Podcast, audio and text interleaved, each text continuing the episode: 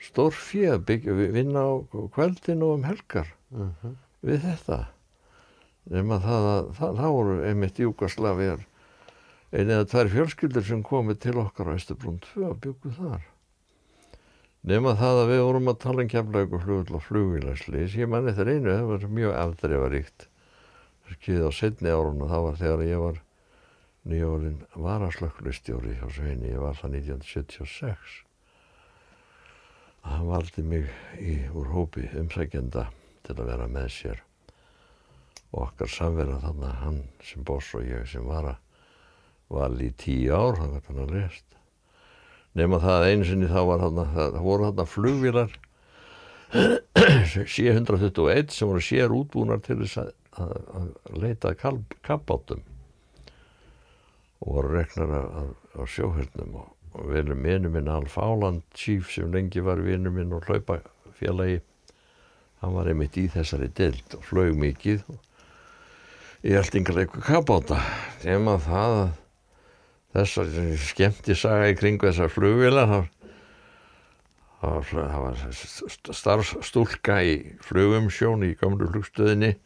Sá svona var að tala í síma mömmu sína og er að horfa út um glöggan og sér svona flugvil og segir hérna fer nú einn skrítin fræ hjá mamma. Hún er með stóra kúla á bakkinu þessi flugvil, það var ratar svona kúla upp vilinni og hún segir hvaða flugvil er þetta? Við segjum við strákana því að mamma spurði hvað, hvað slags flugvil er það? Hvað slags er þessa flugvila sem hérna úti?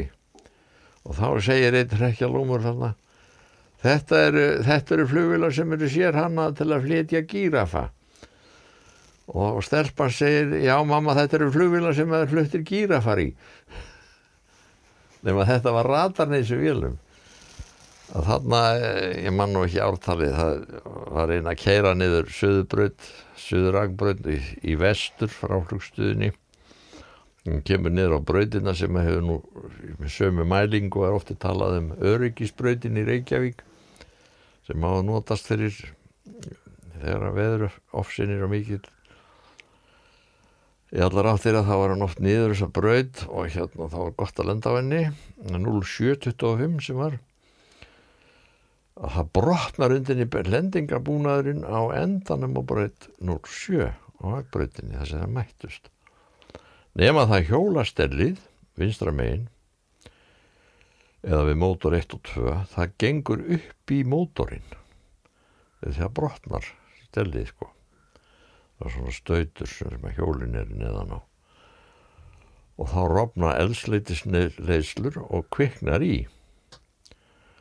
Og það voru einir 15 mennum borð eitthvað svo leiðis og var að fara eitthvað, eitthvað flutning með þessi stráka eitthvað í einhverja ferð sem var lögleg allavega. Nema það þegar að ég kem þarna niður til með Sveini sko. Við komum saman á bíla því við vorum alltaf sama þá og þá eru allir strákarnir sem vorum borð komnir upp á braut og konir í örugt skjól og vélinn bara logar. Og við förum að vinna við vélina. Þegar vorum með nýja bíla P4s sem kallað var P4 stóri sérst sér hannaðir fyrir, fyrir flugilabrunna með, með fróðu og fínir í. Og þá mann var hann bara hlutinu þannig að þetta virkaði ekkit og þetta var alltaf óvirt þessi bílar það kom bara sull út úr þeim því að einhvern veginn var þannig inn, inn, inn, innan ból síðum að þegar var búið að setja í gang blöndun vass og fróðuvögva þá virkaði það svo lengi sem einhver stútur var opinn. En leið og stút var lokað þá, þá sörkilegraðist vatnið fór í ringi inn í bílnum og, og fór í fróðuvegs fróðuvastangana og þeir yfirfylltust og flut og það flöut uppurðum út yfir bílinn og bílinn fór á kaf í fróðu en þá kom bara sullur stútonum á eldin í flugvilinni. Nú fyrir bræði þá réðist ekki neitt við neitt nema það að ég sá þetta og ég fór í búning og fór í það að, að, að taka bara upp á gamla mátan hanslöngur og búa til fróðu úr tankbíl sem við vorum með og ég var við annan mann komið þarna undir flugvílina og og búin að slökka bálið alveg undir vélinni með, með höndunum. Svo, með, með handslökkubúnaði. Og þá allt í hennu bara sortnar mér fyrir augum að því að sko flugvinni var stóð upp á endan svona á skakk og var á nefhjólinu. Nefhjóli helt nefin uppi nema meðan ég er þann undir og maður heitin Reynir Markurs heitin var með mér á slungunni að þá bara hrýnur velin ón á okkur og rótaði mig. Og þarna var sem sagt ekkit annað en dauðin framundan. En svo rangaði við mér og, og fór að reyna að reyfa mig og ég fann það að ég var ekkit alvarlega meittur fann nú til eitthvað í aukslinni svona og augunum þá finn ég að það tekið í mig og þá var strákur sem er enn í slökkulinu eða nei hann er hjá Ísafja heiti Magnús Ingolfsson hann er að tósa í okkur og dregur okkur hann undan, nær okkur undan. Og þá var auðvun settir í slökkubíl í sjúkrabíl og fara að reynsa auðvun og svona. Og svo fór ég að ég man ekki hvernig þetta var, aftur og það. Mm. endaði með því að það gekk svo illa slökkva hérna bunu. Það bunaður tanki mm -hmm. og bunan logaði og allalinn er á jörðina og í podlinu sem varð logaði líka. Og þeir eru alltaf að reyna að slökk í podlinum en það kom alltaf meira logandi bensin niður og kveikt í podlinum ég var að segja það að þeir vissu það ekki sko. ég var að kenna þeim á staðnum. Farðu með púður og byrjaði efst og fylgdu bununni niður og slöktu þetta sagði ég við Begga heiti venna. Og Beggi gerir þetta og þá sloknaði bálið. Og þá, þá náðum við tökunum. Mm. og Svein heitin var svo yfir sig stressaður í kringu þetta það var alveg ótrúlegt. Að fá á sig sko skömma því að þetta virkuði ekki þessi tæki.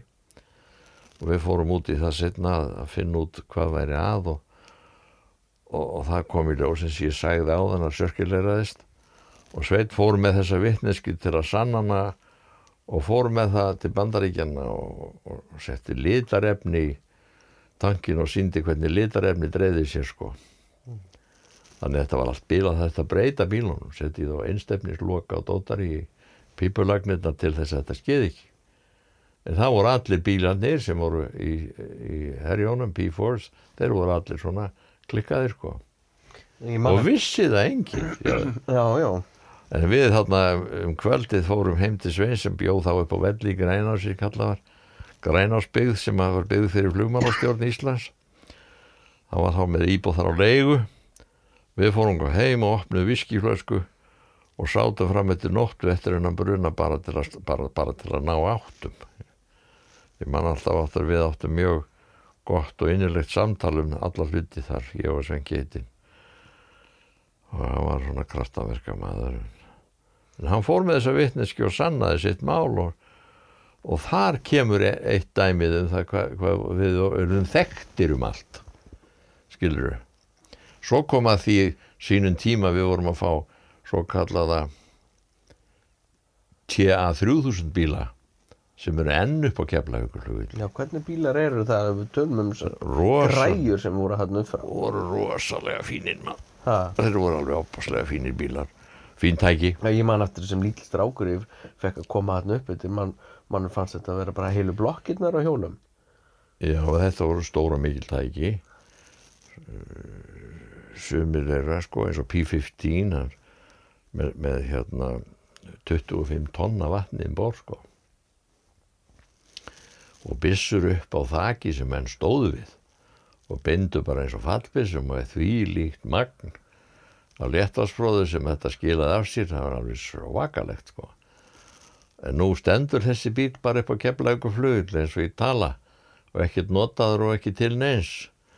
Það er allt saman í, í ólestri af mínu viti sem heitir slökkulegur ekki til á kemlaug og flugil það eru bara einhverjir varmenn eða einhverjir strákar sem eru vinna í að gera við flugbreytinar og setja asfalt í hólur þeir eru að hlaupa og taka þessa bíla ef að kveiknar í sem er í dag. Þeir eru frá Pólandi einhverju vörubíla með tank á.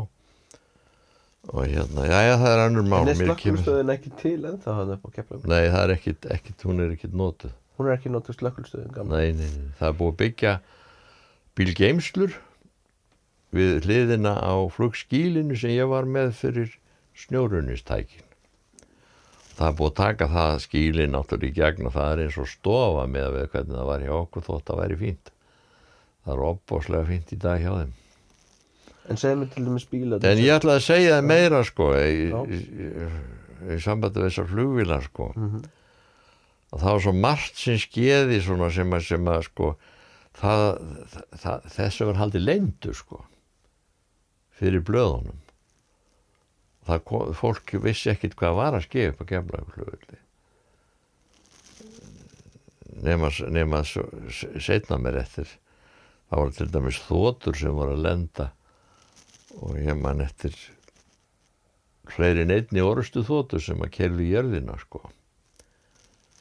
Og fleiri neittni sem voru, voru svo laskaðar þegar voru að koma inn að þeir eru að taka þóttugildur og krækja sér, sko, krækja sér niður eins og í hlumóðskipi til þess að lenda. Og hérna en sem að þú nefndir og varst að spurja þarna um flugvélar sko og hvort við hefum ekki lendi í hættu. Við vorum alltaf í sífælt í hættu. Þú getur ekkit farið að útkalla öðruvísi En segðu mér annað, mér er svolítið skrítið og talar um að það er ekki mikið slökkulið upp, á, frá í dag. Er öryggi íslenskar farþega bara um, um keflaglufull þá bara mun, um, það er bara, það er bara hættulegt með það sem var hérna í gamla dag. Þarna voru mann maður alltaf eftir stökkulisbílum sem voru raðaðir bara með sko, hvað, 500 metra millibílið, það er sátum menn 12 eða í bílunum í, á, í vök, á vöktum og er, þetta, er þessu öllu lokið, er þetta ekki lengur? Nei, þetta, þess að þú ert að vitni það var einn bíl og það var kall, kallast, kallaðist local flying sem kallað var. Mm.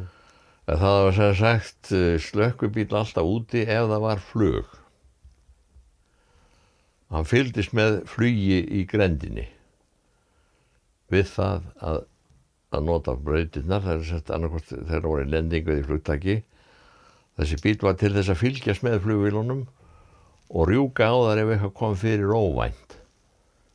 Sko yfirleitt er þessi uppsetning í, í dag hún er þannig að það er flugvíl að fljúa og hún segir frá því að hún sé löskuð skilur og lendi eftir hálftíma. Að þá eru menn að koma sér fyrir alveg upp undir hálftíma menn að koma úr því að gera við asfalt einhver staðar að fara og ná í slökkubíl þar sem hann er geimdur í snjóplóa geimslu og kom honum út á flugbraut og, og rifja upp fyrir sér hvernig það var nota hann. Það er sem sagt svona mikill fyrirvari, sjáðu. En það er engin viðbröðar, það er engin viðbröð til við þessu óvænta. Við vorum búin að gera það fyrir það. Þannig var ykkar starfsemi. Já, hún byggðist á því að vera á undan. Mm. Skjörnur. Og hérna, Og og, það kom sér mjög oft vel, þetta local flying. Þessi sátu þarna vorum í kíkjara og fylgdust með flugvílunum, strákandir.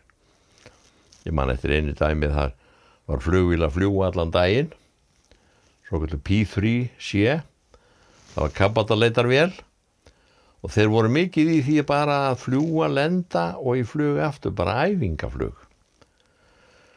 Þegar þeir voru ekki úti á, út á hafi að, að fylgjast með kabbataumferð, sko. Og þeir komu að lenda og lenda og þeir búin að vera að þessu í átta klukkutíma. Strákandi fylgjast alltaf með. Það sem er að skifum borð í flugilunum, þessum vélum, að þegar hún kemur í aðflýinu, komin í ákveðna hæð, að þá, þá, þá fer á stað flauta í flugstjórnarklefanum sem se- aðvarar þá, um það þessu komnir í þessa hæð og, og, og, og lendingabúnaðurinn ekki komið niður sjáðu. Og þá munaður allt í eftir því sko þegar besturinn er og gera, setja hjólinn niður áður þeir snerta brautina og þá er það bara sem þið kallað er touch and go að snerta og fara.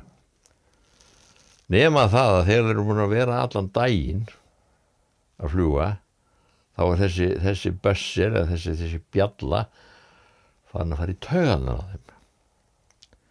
Og þá er örgi sem þeir geta tekið af þannig að þessi aðvörunar bjalla hætti að flauta svo er, er þarna strákarnar að horfa á vélina og Jón, Jón minnum mig, Jón Emilsson heitinn. Hann sér það að hjólinn er ekki niður og hann finnst vélinn vera að koma svo látt á þess að vera með lendingabúnaðin tilbúin svo hann grýpur talstöðin og, kallar í törnin það er engin henni þessari það er engin henni þessari bara argar þetta í stöðina og, og eftirlis flugumfæðastjórin kallar þetta í vélina strax.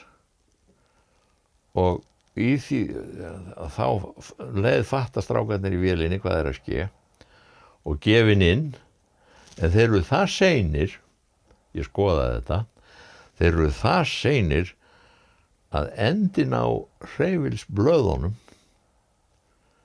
kemur niður í brautina og sker hana og það fer, fer svona 10 cm biti af flugvilablöðunum og, og, og festist brotnar af í því að þeir gefa þessari vélinn en hún er svona svo kröftug að hún rýfur sig upp úr þessu og nær flugi og fer hring og kemur svo aftur inn og með hjólinn niður og lendir. Og það var ekkert lítið vesinn maður sem var úr þessu. En svona getur þetta verið um, um borð.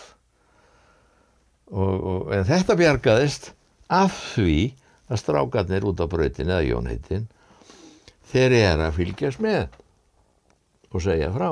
Þetta var mjög algengt. Alls konar svona uppakomur sem þeir gáttu bent á og flugstjórin átt að segja á því einu sinni var flugvil í flugtæki á Brömbrut og ég var, ég hérna var þá var að slöfstjóri nema það að það fara fugglar í, í, í reyfinumir hérna reyfinumir þrjú. Það er svona hægra megin næst búknum. Það var DC-8 hún fyrir loftið það fara fugglar í reyfilinn og það kveiknar í reyflinum og hann logar bara á vélinni og hún er að, að komin á loft og hún tekur umferðar ring og lendir bara strax með fulla eldsneitistanga og brennandi hreyfilnum með þrjú. Og við á staði, ég og Sveinn og fleiri og það var komin bíl á staðin og hann var ekki að gera neitt að gagni, það var MBF5 sem kallað var og brókar sem á honum. Nema það að ég, við stoppum þarna við fórum á pick-up ég og Svenki. Og ég greip slökku tæki, púður, stæki og ætlaði að fara með það að vilinni því það var ekkert að ske. Og spröyti hreyfilinu og ég vissi það ég gæti jafnveg slökt í honum með púðurinu sko. nema það sveit stoppaði mig og segir nei, nei, nei, nei, nei, nei, nei, hann farið farið ekki nefn drefur þans helvíti. Og, og hérna svo komu slökku bílar og, og slökku efni og það endaði nú með því að þetta var slögt sko. En í middeltíðinni fór ég hinum yfir flugilina þar sem að farþegarnir voru að koma niður. Og þá var mótorinn á fullu hjá í vilinni og þannig að þegar að þegar að rennibrautinnar kom út sko þá stóða bent upp í loftið af, af, af þrýstingnu frá, frá mótorunum vinstramegin sko, 1 og 2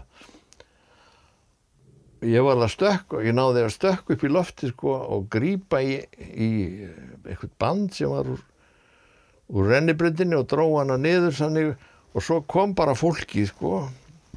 Niðurbröndina með alls konar töskur og dótar í maður og þetta lenda mér. Og ég var allur marinn og blár en það voru eitthvað annað hundra mann sem að, ég var að, að tósa þarna. Og það var líka úr aftari bröndinni það var einhver annar þar sko hjálpaði og maður greip bara fólki þegar kom niður og reyf í það og hendi því frá velinni skiluru þannig að það fór alla vegan og hendist í jörðina og hrublaðist á njánum og allavega en það, það slapp lifandi. Og hérna svo gekk þetta svona og svo var þetta bara búið og svo var þetta rannsakað og þótti mjög vel að sé viki það, bjarga, það bjargaðist öllir og, og, og mótorinn og allt það sko. Og þetta var svona svolítið líkt í þegar ég var lendið undir vélinni því að þegar vélinn skall á mér þarna í brunanum á, á, á gírafavélinni að þá var kanturinn á hjálminum sem er yfir axlina hann fór niður í hægri axlina og, og, og meiti mig þar og ég, ég marðist sko. Og ég er að fara að finna til í dag í þessari axl þar að koma þessi veð, meðslir að koma fram núna. Þetta eru öll þessi árhugsaðir ára tí og hérna það er til mynd að þessu uh, flugslýsi þar sem ég lendi undir og reynir. Hún er til og það hefur oft komið fyrirspurnir um hvað, hvernig staðhættir og hvað hefur verið við þetta slis og ég hef verið sá eini sem hefur getað svarað í og sagt frá hvernig þetta allt sama var. En ég var að segja það frá flugtagsvílinni og, og, og fugglanum sko. Og ég og mammaðinn og, og ég man ekki hvort að þú varst með. Jú, já, með í flugvilni við lenduðum í því að hún fekk Máva. máva í mótorinn og hætti við flugtak og fórum inn nattur og, og það var maður sem ég þekkti sitt Finnur Björnsson var á sín tími hlugvirki hann saði mig hvað hann gerði sko. Hann lagaði þetta hann fór skreiðin í reyfili með tvo hamra og hann rétti allt sem beglaðist hafi eh, við fugglana og síðan var mótorinn prófaður allt í lagi. Og við fórum aftur inn í þessa sömu flugvil og flugum til Chicago og svo frá Chicago til Florida og vorum þarna hjá, hjá vinni mín veiðimanni Bill Plate og hans konu. Mm. og lags var, með, var leysugumæður þeirra í Grímsá þegar þau voru þar. Segð mér frá hérna fugglónum það var líka eitt af starfseminu uh, slökkuleysins það var að útrýma allir þessu varg sem var hann í kring Já, sko, þetta var alveg svo yfirgengilegt og og stórtjón hjá Arnarflugi manni þeir fór mótor alveg bara í spað 20 miljónir sko. Og það, þetta var á ábyrð hersins allt flug skilur það var ekki á ábyrð annara og, og hérna og þá var næst lægi að tala við slökkulistjóran hvað hefur að gera í málunu svo ég sag, sagði við að ég skal bara sjá um þetta geriði bara mig á fysjalt að Bird Control Officer á kemlaugurhugli fuggla um sjónarmanni þar. Og ég skal bara sjá um, hvað, sjá um það að þetta verði ekki svona. Ég þarf að hafa valdið. Og ég fekk það bara ofisjált var gerður að ein, ein, einn af mörgum tillum Bird Control Officer.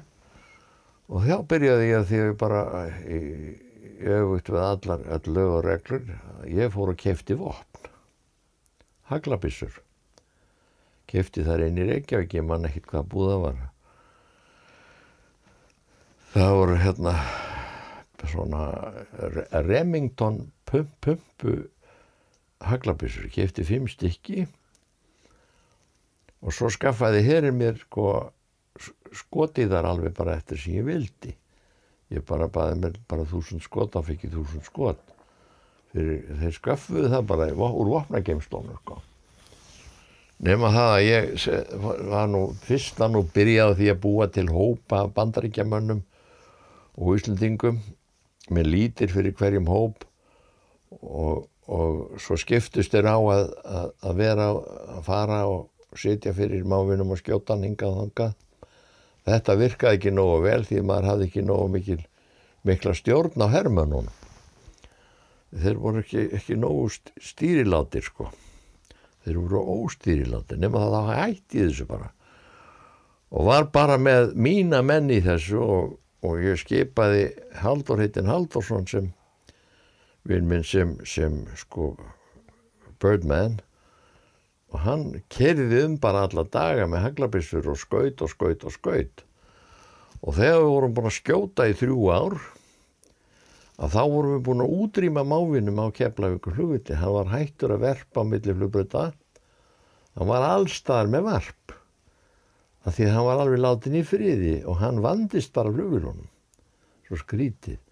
Við prófuðum alls konar tæki, uh, hræðslutæki og, hræðsluvein og allan anskotan á, á fuglinn. En hann bara vandist í og tók ekkert mark á því. Það eina sem hann virtist skilja að það var lífshættulegt að vera upp á geflaglugvilli og hann færiði sig svo merkilegt hann færi sig út fyrir gerðinguna þar var hann í breyðum og hérna svo, svo var helvítis refurinn sko að fara í hreðurinn og þá flögraði fugglin upp í tíma og tíma og jáfnvel fyrir flugvilar og þá skutum við refin og þá lagaðist þetta svo var það svo vittlusi sem tóku við þessu setna að þeir fóru að setja sjá til þess að refir væru það til þess að fæla fugglin það gerði allt illt verra sko. Það eina sem gildir er að skjóta fugglin og skjóta fugglin og skjóta fugglin og ganga á hreðurinn á vorin og taka og stinga í eggin bara með nál. Láta þau kjör og kemur ekkit úr eggjónum en fugglinn setur bara á þeim. Ef þú tekur egginn þá verpir hann aftur. Bara stingið þau. Og með þessu móti þá náðum við öllum fugglinum út að kemla einhver hlut og það var zero eða null tjón eftir þetta af, af, af flugvilárast. Það var einhver flugvilárast. Flug, flugvilá og fugglaárest. Það er bara, er bara er fortíðinni til segja mig bara svona stuttlega þú veist, nú er náttúrulega gríðalegt magn uh, túristi sem eru koma til landsins og flugumferðar og keflaguflugulli öruglega margföld, margföld meira heldur en þegar þú varst eða ég áætla það nú, nú er ekki hugmyndum. Það er það, það, er það. Uh, er, finnst, er, hefur einhverja vittnesku um hvernig, hvernig öryggismálun með hátta þarna gagvart finnst mann eins og maður heyrir á þér að það er eins og þetta sé bara, bara verri öryggismál hann á velli gagvart óvæntum uppákomum Já, já, sko, meða við það sem strákarnir segja mér sem það er að vinna, sko. Já, ok. Ég hef það frá þeim, sko. Þú hefur það frá þeim. Já. En, en það, það, má ekki, það má ekki gleyma því, sjáðu, að, að, sko, civilflug, þetta flug sem fer fram á kemlaugflug í dag, en borgarænt flug. Það er svo svo mikið. En ég hef trú á því að þeir séu líka að telja sem flug hingað flug sem fer hér yfir um flugumsjónarsvæðið.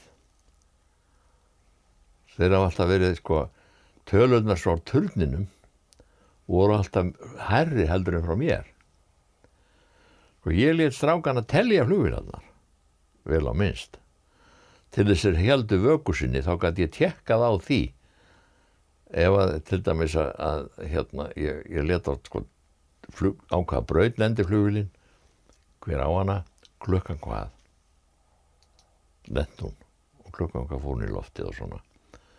Þetta var bara skrá sem þeir eru þurft að fylla út, svo gæti ég tekið skrána, farið með hann upp í flugumsjón hjá flugliðum eða hjá hernum og gáða að því hvort að þessar flugvilar voru í raun þarna og þarna og þarna og hvort að voru einhverjar flugvilar upp í flugumsjón sem ekki voru á plagginu hjá okkur. Þá vissi ég það strákarnir voru ekki að fylgjast með. Skilur þau? Þetta var aðhaldstæki en þegar ég bar við landings and take-offs, lendingar og flugtök við það sem að turninskráði að flugumförði kemlaugflugur þá voru þeirra tölur alltaf miklu herri vegna þess að þeir voru að taka tölur og skrá hjá sér sem flugum fyrir á kemlauguflugulli flugvila sem flugur bara yfir í borgarölugu flugi.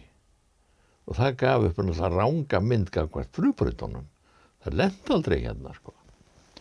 Og ég held þessar tölur alltaf eftir að ég var slökkulistjóri til þess að tryggja að við vissum hvað væri að skei og það er eitt sem verður að afta sig á þegar þeir eru að tala um að sé og ég segi það líka sé meðir í flugum fyrir heldur en var að það er kannski ekki eins mikill munur og, og, í raun og veru vegna þess að þegar að herin var og rak slökkuliðið þá var allt fullt að herrflugvilum skilur þau og þá voru fastar eh, bara sem að, bara aftur sína heimahöfn og kemlagu flugli fleiri týr flugvila herrvila sko, og þótur og lengi vel voru þar átján F-15 þótur átján stykki sífælt að fljúa og P3 sko, 10-12 stykki alltaf að fljúa og séðan flugherinn með helikoptera og, og eldsneitisflugvilar og fylgdarflugvilar og ég veit ekki hvað og hvað sko.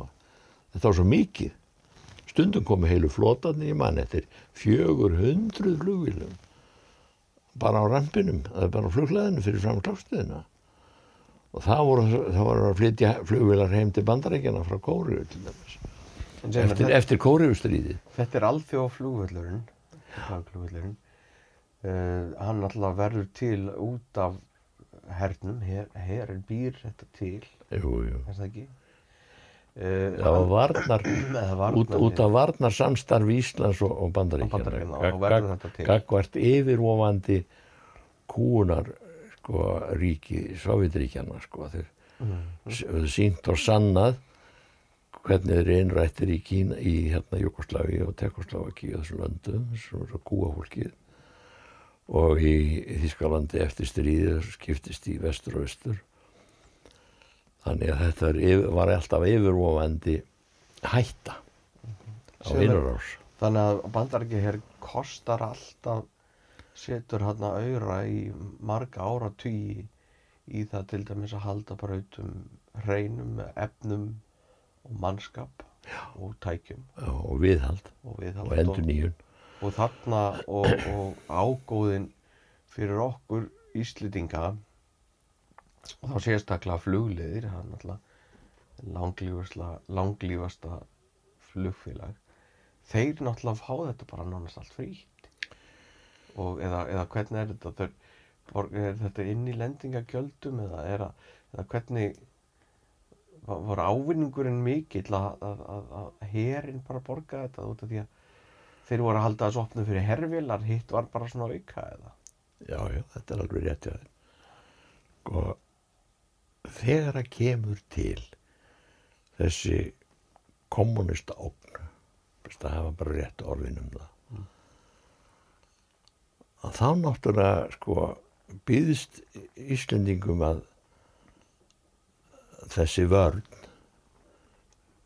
fyrir e, e, kúun og innrás kommunista og bandrækjamannu vantaði einhvern stað góðan stað eh, í Norðurhöfum til þess að venda sjálfa sig og þá staðinn náttúrulega sem þau myndu setjast niður líka í leðinni þannig að við nutum góðs af að vestræn menning í bandaríkjónum var að verja sig gagvart austræðni menningu í kommunista-ríkjónum.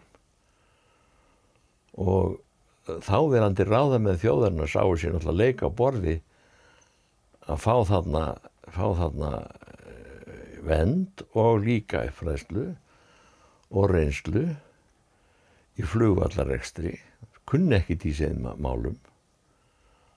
Þess vegna tók varnaliðið bandaríkjanar að sér að búa þetta allt saman til fyrir Íslandinga endurgjaldslaust nota benni og Íslenska ríkið borgaði aldrei krónu í þau 50 ár sem ég starfaði í slökkuliðinu að þá var allur kostnaður á öllu leiti á keflaugrúðli borgaðar að bandariska hernum.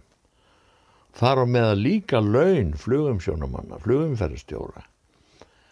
Það var nú lítið, það var ekki með 60.000 nei, var, ég man ekki hvað var mikið á ári sem að þeir borguði í turn, turn, sko, flugturnsreksturinn og, og þú varst einmitt að spörja um það. En afvísingar eh, búnaður og afvísingar efni? Það er allt saman frá, frá hjá hernum nema náttúrulega flugleiðir sem slíkir, sem áttu flugfélagið og flugfélagatnar, þeir sáum sína afvísingu sjálfur. En allt sem hétt herflugfélagar og NATO-flugfélagar sá ég um, ég hafði með það að gera afvísinguna á flugvílunum og mínum menn þeir í tílæðin þeir og fleiri, þeir, þeir úðuðu flugvélarna þegar uh, þess þurfti sko á sín tíma. En kostnan við að halda þeim svona 24-7 mint condition, July, July condition eins og myndist á. Það hefði náttúrulega verið gríðalegt gríðalegur ávinningur þarna fyrir okkur Íslinga Já, það er svona nötu góð að sagja er og, og þurftum ekkert að borga sko. Örugur flugvöllur í, í, í, brjáluðu veðri og, miklum stormum þá var keflagur flugvöllur nánast alltaf opinn eða? Já, hann var aldrei lokaður. Keflavíkur flugull var aldrei lokaður. Aldrei. Í minni tíð sem stjórnandi þá var það aldrei það þekkti, það var óþekkt fyrirbæri. Ég meiri sér að get sagt í það að ég var sjálfur í búningi með kúst í svarta bil úti, úti á brautum að, að sópa með höndunum til þess að hann lokaðist ekki. Og þá bara var ég og fleiri bara að kústa ljósin á endanum á flugbrautinni. Til þess að flugvilin sem var að koma í, í nöðlendingu hún var að vera búin með eldsneitið hún varð að lenda. Hún varð að lenda. Og brautin var sópuð og flugmannum sagt það er engin skabla á flugbrautinni. Það eru menn á endanum er að sópa sópa hérna ljósin og þröskuldinum og, og hérna og segðu okkur þegar þú sér ljósin. Og þegar hann sá ljósin þá kallaði Sveitni okkur hann var sjálfur að stjórna þessu allir, le- leggjast niður, leggjast niður. Og þá við okkur niður á brautina og flugvíl fór yfir hausinu á okkur maður fann alveg fyrir henni og lendi bara í blindni og hvarf vissi ekki hvað var henni. Og þá mátti enginn hreyfa sig. Ekki enginn að hreyfa sig ekkert var að vilin er horfin hvað veit ekki hvað var henni. Og, og hérna Sveit fór að leita og kerði bara eftir kantinu með kantljósunum öðru megin undan veðrinu. Að reknaði það út hún hefði farið til hægri allavega eftir og lendir. Og fer niður lang, svona tölvut niður brautina og þá sér hann bara að vélinn hefur farið þar út af brautinni og bara út í stóran skabl og satt þar bara först og mennirnir í henni og ekkert að, allt í lagi. Og það var sá ekki álugvilni lendi bara í að svo þetta bergaðist og þetta er svona, þetta er svona öfgafullt dæmi um það hvað við gengum langt í því að, að tryggja að það var alltaf hægt að fara með flugfar í loftið og koma með það heim aftur. Og eins og ég sagði við kannuna it's my job to make sure you can fly and come back home. And I'm gonna do it. Og á þým ferli þarna þá allavega frá slökkustjóri þá var kom aldrei upp þær aðstæðar að að alþjóð flugvöllun keflugflugvöllun var lokar vegna veðurs. Aldrei vegna okkar. Aldrei.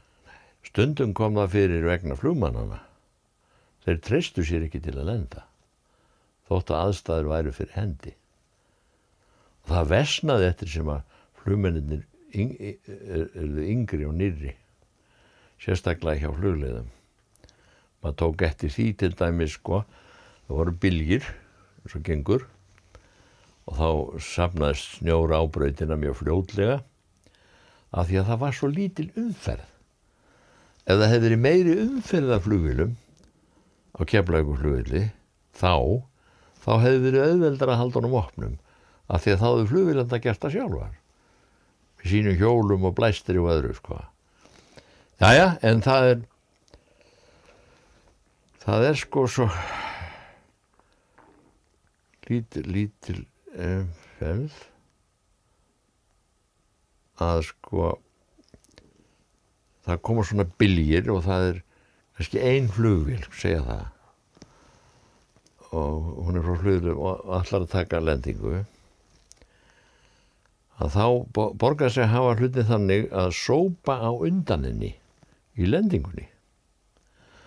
Og þá stilt þess stil, ég hafði nú ekkert með þetta að gera. Strákarnir voru búin að ná tæknið þessu sem voru í þessu að þeir stiltu sér upp brautina svo flugvilni ákveðnu flugi og þá, þá sömduðu við flugturnin sko um að þegar vélinn væri rétt að koma að brautinni fljúandi uppi að þá mönd hún halda áfram umferðar ring sem er þá áfram eftir brautinni ákveðinni hæð síðan til vinstri og svo aftur til vinstri er ákveðinni fjallaða hæð og svo ákveðin angul í lækkun inn á brautina og með þessu að þeir strákarnir þeir voru búin að ná því að þeir fóru með kústana niður brautina og voru sjö mínútur að því að búa til hundra feta breytt snjólaust svæði.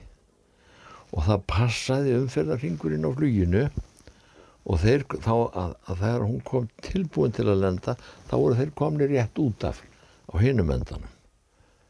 Skjáðu mm. og, og þeir voru búin að ná þessu samspili við gamlu flugstjórnana svo kom bara einhver jónina sko.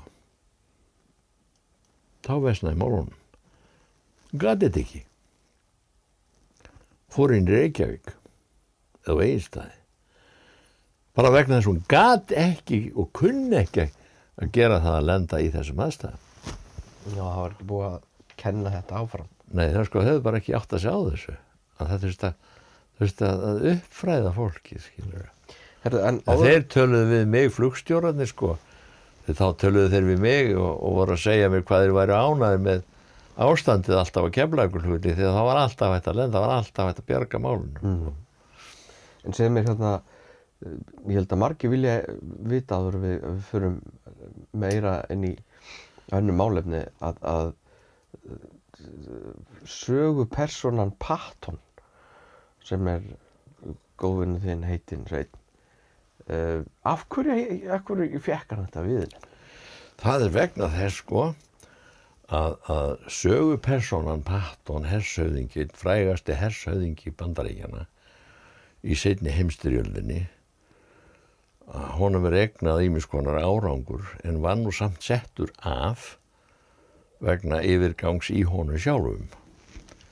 Og það var nú stundum talað um hann hafi verið drepin það hefði verið myrtur ég kann ekki þá sögu til hlítar en hann hann deyri í Evrópu og er jarðaður í Luxemburg ég hef komið að leiðinans Þetta var svolítið sérstakur karakter, hann hafði sérstakt útlitt og var á opnum jeppa, svona með hjálm og, og, og skambissu með fílabeins-haldi á. Og var svolítið sérstakur maður sem að fór ekki eftir, eftir tróðnum slóðum. Og meðan að sveitnheitin er þarna í Vestmanni, þá, þá tekur hann af skarið og stjórnar bara. Og, og vantaði hamra og nagla og játn og það var nógu að því í köffilæginu það þorði engin að, að bara vaðin átt að fara að leita köffilastjóra og, og svona sveit bara ansaðis ekkit bara braut upp hurðið bara brjótast inn í köffilægið og sækja það sem til þurfti nagla, hamra og sægir og játn og klippur og nelt fyrir glugga en aska fær ekki inn í húsin brennandi aska. Og hann bara gerði þetta. Og það var einhver, einhver jeppa tík þarna sem hann eh, bara yfirtók sem sinn.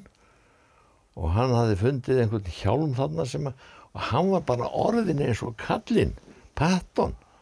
Og það var einhver sem þekkti til sögursagnarinnar General Patton í, í bandaríska landhernum og fer að uppnefna Svein sem Patton skilur og út úr þessu verður þetta Patton nafn og síðan náttúrulega öll aðgerðin sem fór fram. Kælingin. Ég get nú sagt þér frá því þegar við vorum í símanum. Ég var svona var, var upp á kemlaug og flugli var aðstofaslögstjóri og, og Sveit talaði voðalega mikið við mig um hlutina sko.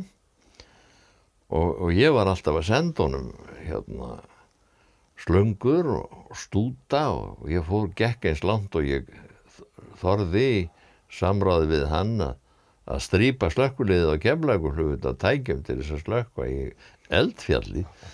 Og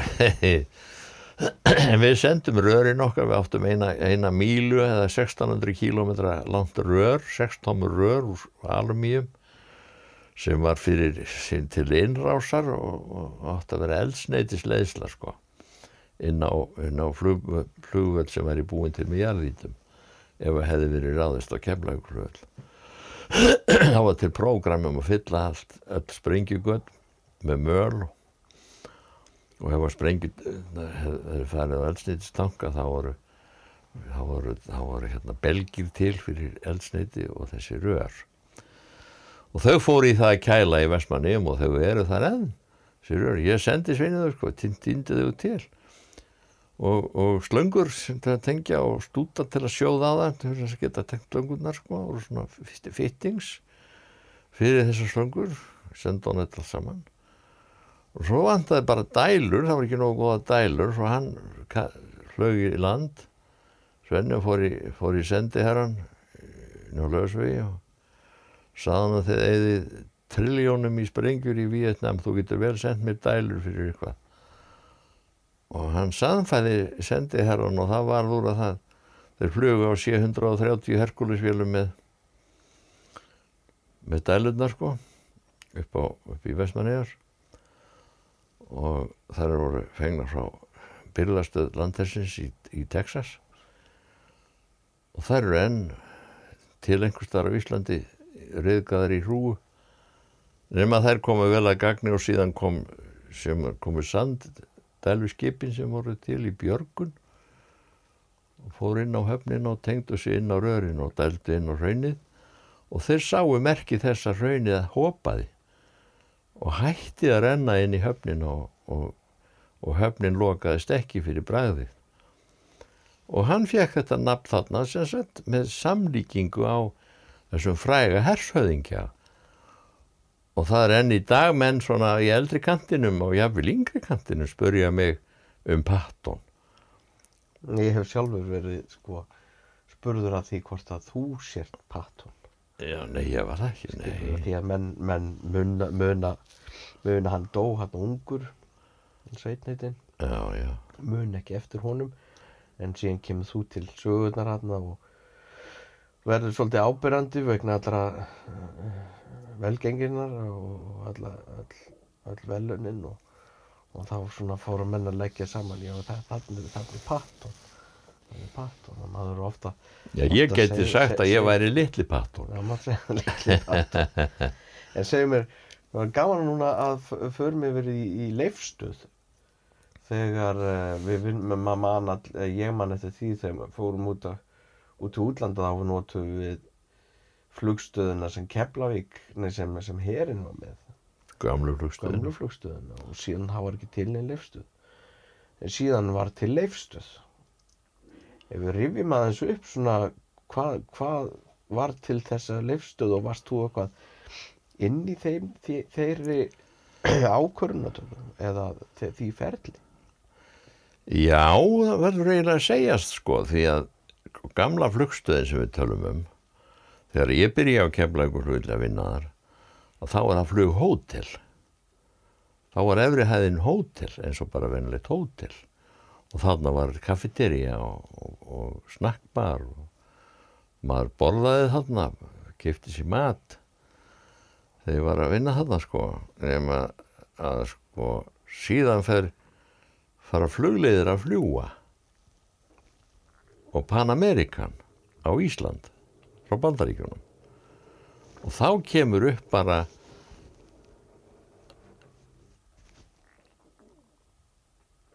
þá kemur upp að í í bruna eftirlitinu hjá mér, ég, var þá brunavarn eftirlitsmaður að þá kemur upp sko að þetta er óhæf flugstöð.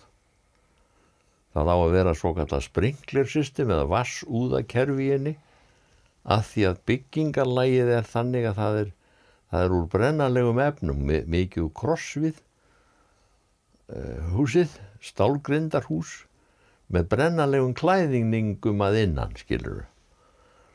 Og þetta er bara óhæft sem flugstöð. Þetta gengur í nokkur ár, maður er alltaf að skrifa flugstöðina og ofseragrúppin og svona sem, sem brunagildrur.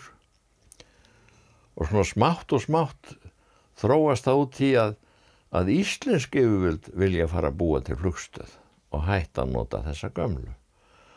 Og inn í máli spinnst margt annað sem er það að það var stefna að aðskilja herin frá íslensku flugi innan vallarins en halda öðru eftir sem áður fyrir báða eins og slökkuliðið. Og svo smá þróast þetta nú sko og, og samráð hersins og, og, og íslenskra yfirvalda í það að fara að stefna að því að koma upp flugstöð. Og til þess að hluturinn gæti skeið þá, þá, þá bjóða bandaríkjamenn stöðning í því sko að koma því fram.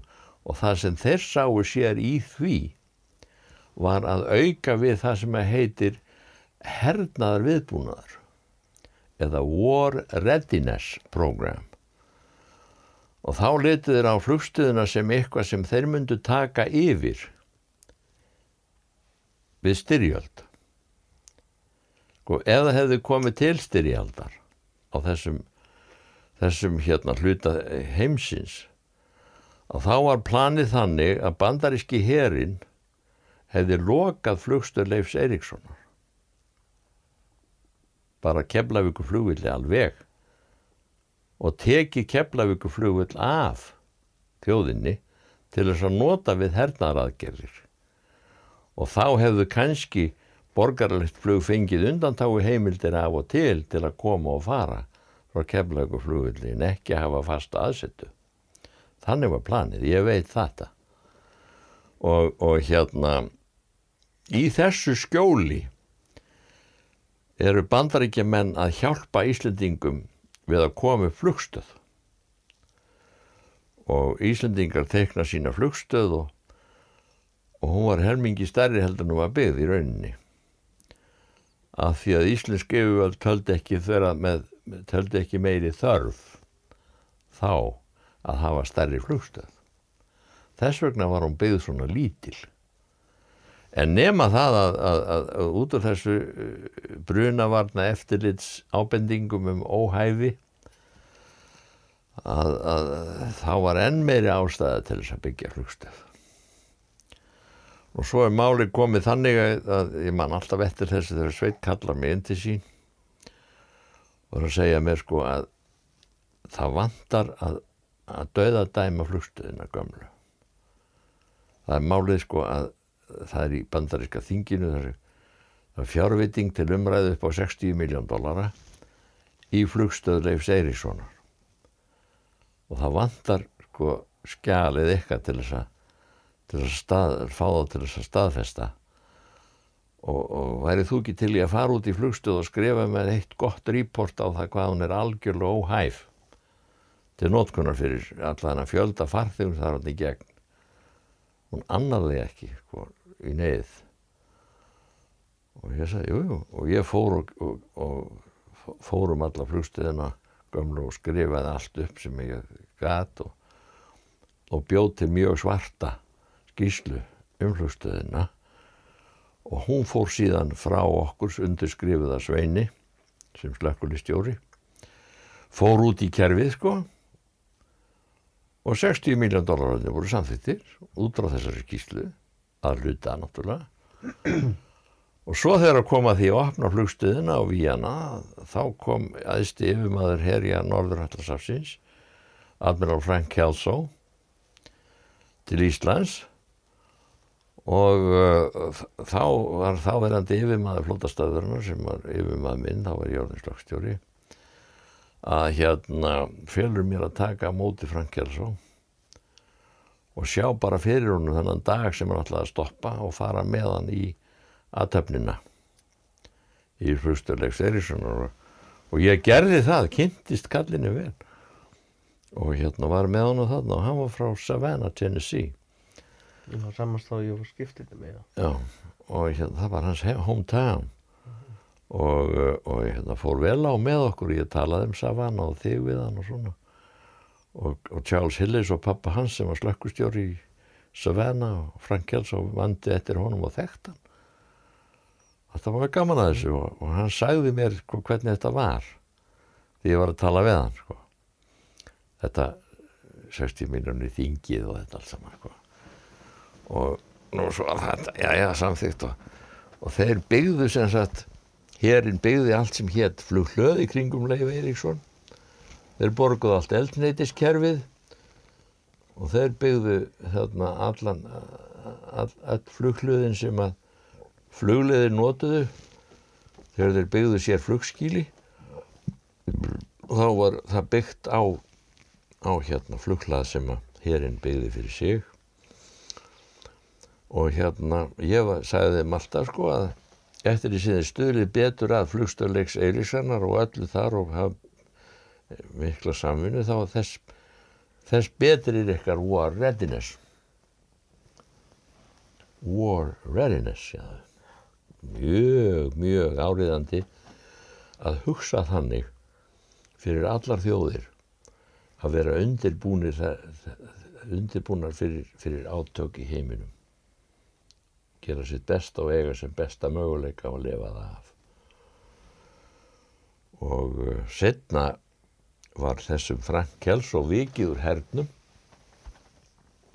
Og var það hætta með skömm. Vegna þess að það var, það var, það var hérna út af þessum sko þótugildrum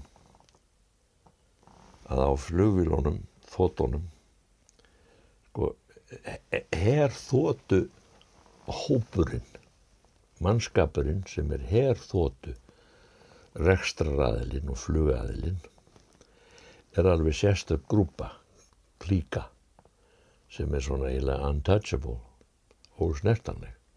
Það er alveg lokaður hópur sem fyrir upp í flugvilar og setur eldflögar á mannvirkja fólk.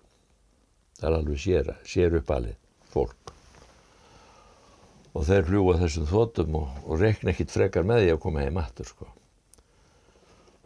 og þá er meðan tailhook sem kallað er krókin til þess að stoppa sig á brautinni að lenda. Út úr þessu verður til svokullu tailhook grópa the tailhook og þeir hittust alltaf eins og ári í Las Vegas. Á fyllir í og, og bara brjálæði sko. Og þeir yfir tóku bara heilu hótelin sko. Hópatnir af officerum, flugofficerum og stelpum og úr þessu var grand fyllir í og alls konar vesin sko og tóku meðal hans mynd af einu sem ég þekkti Erno Danlevi með hausin í klófinu á, á kvennmanni sem var fl fl flugmaður sko. Og út af þessu var þessi tailhook scandal. Og Frank B. Kelso var í Las Vegas með hópunum í Tailhook Celebration eða í Tailhook hérna, á sátiðinni og fyrir það að hann var á staðnum en var ekkit í þessu svalli hann var bara að spila og fá sér steik og svona þá verður hann að víkja sér ráðamaður. Og það er alltaf þannig í bandaríkjum með þú ert einhver ráðamaður í einhverjum tengslum við skandal þá segir þér af sér eins og þeir sem voru hérna þingmennitin okkar um daginn á, á fyllir í og talandi illa um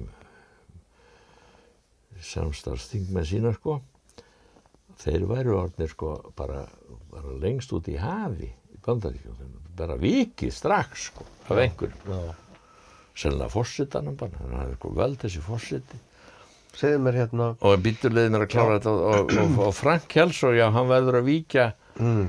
út úr þessu og líka allmenn á Danlevi sko. Það var hann sem var með hausin í klófin á stelpunni. Mm.